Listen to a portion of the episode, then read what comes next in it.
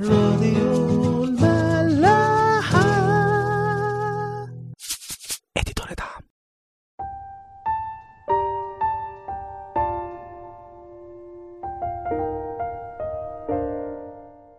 أهلا بيكم في حلقة جديدة من عيش وملح. كملنا آخر مرة في الصلاة بتاعه سليمان وقت تدشين الهيكل وكنا قلنا إن أول حاجة قالها سليمان كانت شكره وحمده لربنا لأنه حافظ العهد. وبعدين ابتدى يطلب منه إنه يكمل بوعوده دي ويسكن في البيت ده. وإزاي إنها حاجة عظيمة قوي إن ربنا اللي السما كلها مش بتكفيه يجي ويتواضع ويسكن في البيت ده.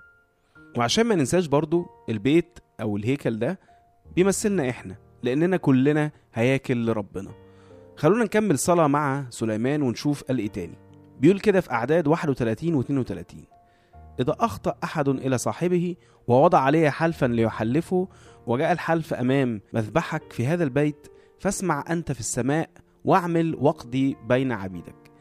إذ تحكم على المذنب فتجعل طريقه على رأسه وتبرر البار إذ تعطيه حسب بره. حاجة جميلة سليمان بيتكلم عنها بالروح كده وهي مبدأ مهم قوي أو حاجة غالية قوي في إيدينا كلنا بس مش بناخد بالنا منها خالص. بيقول إيه؟ لو حد قال كلمة أو حلف قدام المسبح ده إنه ربنا يسمع الكلام ده ويقضي بيه. يعني إيه؟ يعني كأن بالظبط الهيكل ده هو فرع لربنا أو للسماء على الأرض.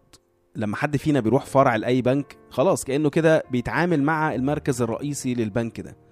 فسليمان بيطلب السلطان ده من ربنا. ودي حاجة المسيح كمان أكدها لنا في العهد الجديد. في متى 18 بيبقى بيكلم التلاميذ عن إزاي يتعاملوا مع حد لو اختلفوا معاه أو بقى بينهم زعل. وبعدين بقى في آخر الكلام ده بيقول إيه؟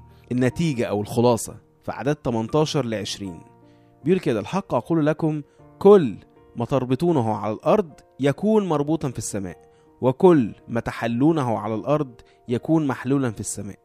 وأقول لكم أيضا إن اتفق اثنان منكم على الأرض في أي شيء يطلبانه فإنه يكون لهما من قبل أبي الذي في السماوات لأنه حيثما اجتمع اثنان أو ثلاثة باسمي فهناك أكون في وسطهم. أنتوا فاهمين يا جماعة مستوعبين قوة الصلاة وقوة السلطان اللي ربنا مديهولنا؟ إحنا الهياكل بتاعته أو الفروع بتاعته على الأرض أي اتفاق أو عهد بنعمله إحنا ده كأنه مع ربنا بالظبط. والكلام ده مش بس في المسائل الكنسية لأ ده في كل حاجة في حياتنا. أي حاجة بيتفق عليها بالروح أي اتنين ولاد ربنا دي خلاص كده اتربطت. والكلام ده حتى بيننا وبين الناس التانية اللي بنباركه بيتبارك واللي بنلعنه بيتلعن. وياما هنشوف الكلام ده في العهد القديم والجديد في أعمال الرسل خمسة هنلاقي القصة المعروفة بتاعت حنانيا وسفيرة اللي كذبوا على بطرس مش بصفته الشخصية طبعا إنما بصفته قائد للكنيسة. فحكم عليهم حكم مش لغضبه هو الشخصي برضه إنما كان لتوضيح قوة الروح القدس اللي ربنا اداهوله واللي اداهولنا كلنا وإنه حقيقي وبجد وكأنك بتتكلم مع ربنا بجد. فما كانش ينفع إن هم يكذبوا على ربنا وبالتالي اخدوا الحكم ده. وهنلاقي في أعمال الرسل 8 قصة تانية مع واحد اسمه سيمون وده كان ساحر بس آمن بالمسيح. فلما شاف المعجزات اللي بيعملوها الرسل فراح مدي للرسل شوية فلوس وقال لهم ما تدوني من الروح بتاعكم ده عشان أعمل معجزات زيكم أنا كمان. افتكر إن روح ربنا ممكن يتشري ويستغله في السحر اللي هو كان بيعمله قبل كده. لأن هو كان عايش كده. فطبعا بطرس ساعتها انتهره جامد قوي وقال له خلي فلوسك معاك ولازم تتوب كمان عن كلامك ده وإلا هيحصل لك حاجات صعبة قوي. لأنك كده بتستهين بالروح بتاع ربنا. وفعلا وبالرغم من جهل سيمون بس كان مآمن برضه بالسلطان بتاع الرسل ده وعارف إنه هيحصل بالحرف اللي هو قاله له. فقال لهم لأ طب اطلبوا من أجلي عشان ما يحصليش حاجة من كل اللي قلتوه ده. طبعا يمكن في ناس هتختلف على السلطان ده بيبقى عند مين بالظبط هل لناس معينة ولا لأي حد مؤمن؟ وده مش موضوعنا دلوقتي بس اللي عايزين نقول ونأكد عليه إننا باختلاف مستوياتنا الروحية كلنا نعتبر فروع لربنا على الأرض برضه. بدليل كلام المسيح لو ركزنا فيه إننا لو أي اتنين اتفقوا على حاجة في الصلاة ربنا هيستجيب للصلاة دي.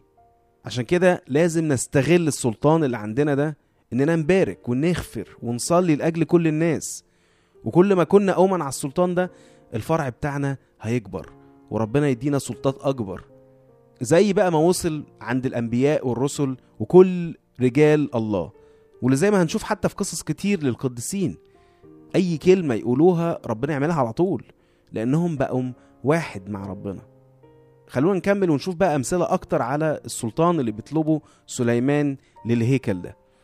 أعداد 33 ل 40 بيقول كده إذا انكسر شعبك إسرائيل أمام العدو لأنهم أخطأوا إليك ثم رجعوا إليك واعترفوا باسمك وصلوا وتضرعوا إليك نحو هذا البيت فاسمع أنت من السماء واغفر خطية شعبك إسرائيل وأرجعهم من الأرض التي أعطيتها لآبائهم.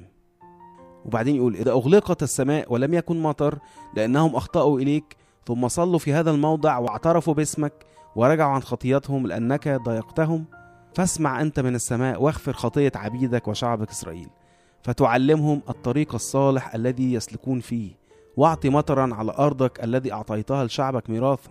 يعني كمان شفاء من أي تأديب بسبب الخطية برضه. إذا صار في الأرض جوع إذا صار وبأ إذا صار لفح أو يرقان أو جراد جردم أو إذا حصره عدوه في أرض مدنه في كل ضربة وكل مرض فكل صلاة وكل تضرع تكون من أي إنسان كان من كل شعبك إسرائيل الذين يعرفون كل واحد ضربة قلبه فيبسط يديه نحو هذا البيت. فاسمع أنت من السماء مكان سكناك واغفر واعمل واعط كل إنسان حسب كل طرقه كما تعرف قلبه لأنك أنت وحدك قد عرفت قلوب كل بني البشر. لكي يخافوك كل الأيام التي يحيون فيها على وجه الأرض التي أعطيت لآبائنا. صلاة في منتهى القوة. لو شلنا كلمة البيت أو الهيكل وحطينا أسامينا هنقدر قد إيه الصلاة دي قريبة مننا ومعزية جدا لكل واحد فينا. صلاة للغفران عن أي خطية وللشفاء من أي تأديب ومن أي بعد. ونركز قوي إنها لكل إنسان. بيقول من أي إنسان كان من كل شعبك إسرائيل. بعد كده بقى بنشوف سليمان بيتكلم على حاجة أغرب. في أعداد 41 ل 43 بيقول كده وكذلك الأجنبي الذي ليس من شعبك إسرائيل هو وجاء من أرض بعيدة من أجل اسمك لأنهم يسمعون باسمك العظيم وبيدك القوية وذراعك الممدودة. فمتى جاء وصلى في هذا البيت؟ فاسمع أنت من السماء مكان سكناك.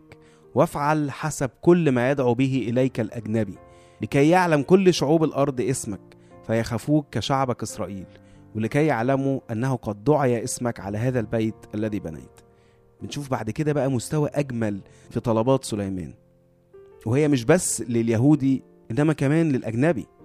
بيطلب لهم كمان إن هم لما يجوا للهيكل ده ويطلبوا أي حاجة بسبب سماعهم عن ربنا وإيمانهم باسمه إنه يا رب اعمل لهم كل اللي يطلبوه ده عشان كل الناس تعرف اسمك وعشان يعرفوا إنك فعلا ساكن في البيت ده. فدي برضو لو قلبناها علينا هنلاقي إن ده هيكون دور كل واحد فينا كهيكل أو كفرع لربنا على الأرض. إن الناس لما تشوف إن ربنا ساكن فينا هتيجي وهتطلب إننا نصلي لهم. وهنشوف يا جماعة الكلام ده في حياتنا. ولما حد يشوفه مهما كان حاسس إن مستواه الروحي منعدم أصلا ما تستغربوش ولا تهربوا منه. لا دي نعمة ربنا بيديها لنا. ده معنى النعمة إن هو يعمل من ولا حاجة حاجة. عشان إحنا فرع لربنا فلازم نستغل النعمة دي لمجد اسمه. ونصرف النعمة دي كده بدون حساب عشان نجيب بيها ناس تانية ربنا. بعد كده الكلام تقريبا بيبقى زي اللي فات بس فيه لجاجة وتواضع جمال جدا خصوصا من ملك زي سليمان. خلونا برضو نقراها مع بعض أعداد 41 ل 53 بيقول إذا خرج شعبك لمحاربة عدوه في الطريق الذي ترسلهم فيه وصلوا إلى الرب نحو المدينة التي اخترتها والبيت الذي بنيته لاسمك فاسمع من السماء صلاتهم وتضرعهم واقضي قضاءهم. إذا أخطأوا إليك لأنه ليس إنسان لا يخطئ. وغضبت عليهم ودفعتهم أمام العدو وسباهم سابوهم إلى أرض العدو بعيدة أو قريبة. فإذا ردوا إلى قلوبهم في الأرض التي يسبون إليها ورجعوا وتضرعوا إليك في أرض سبيهم قائلين قد أخطأنا وعوجنا وأذنبنا. ورجعوا إليك من كل قلوبهم ومن كل أنفسهم في أرض أعدائهم الذين سبوهم وصلوا إليك نحو أرضهم التي أعطيت لآبائهم نحو المدينة التي اخترت والبيت الذي بنيت لاسمك فاسمع في السماء مكان سكناك صلاتهم وتضرعهم واقضي قضاءهم واغفر لشعبك ما أخطأوا به إليك. وجميع ذنوبهم التي أذنبوا بها إليك.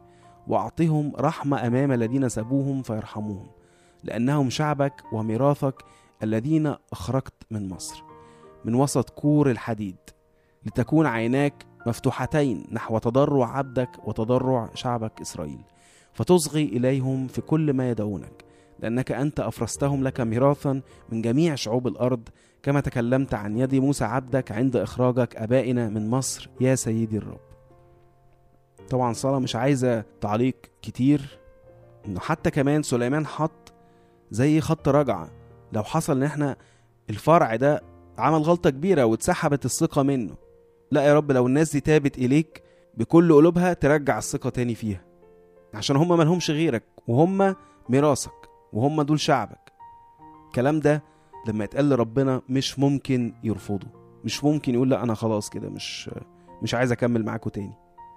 كل المشكلة إن إحنا بننسى أو بنتنازل عن بنوتنا دي.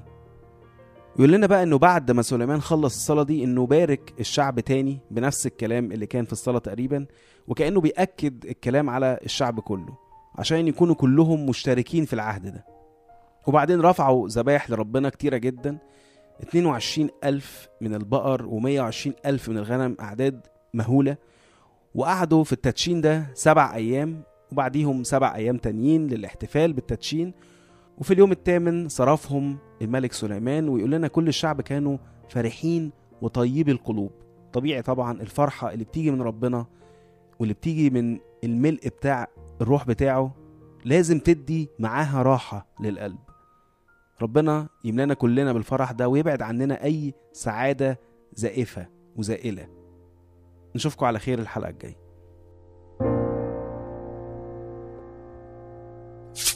راديو ملاح.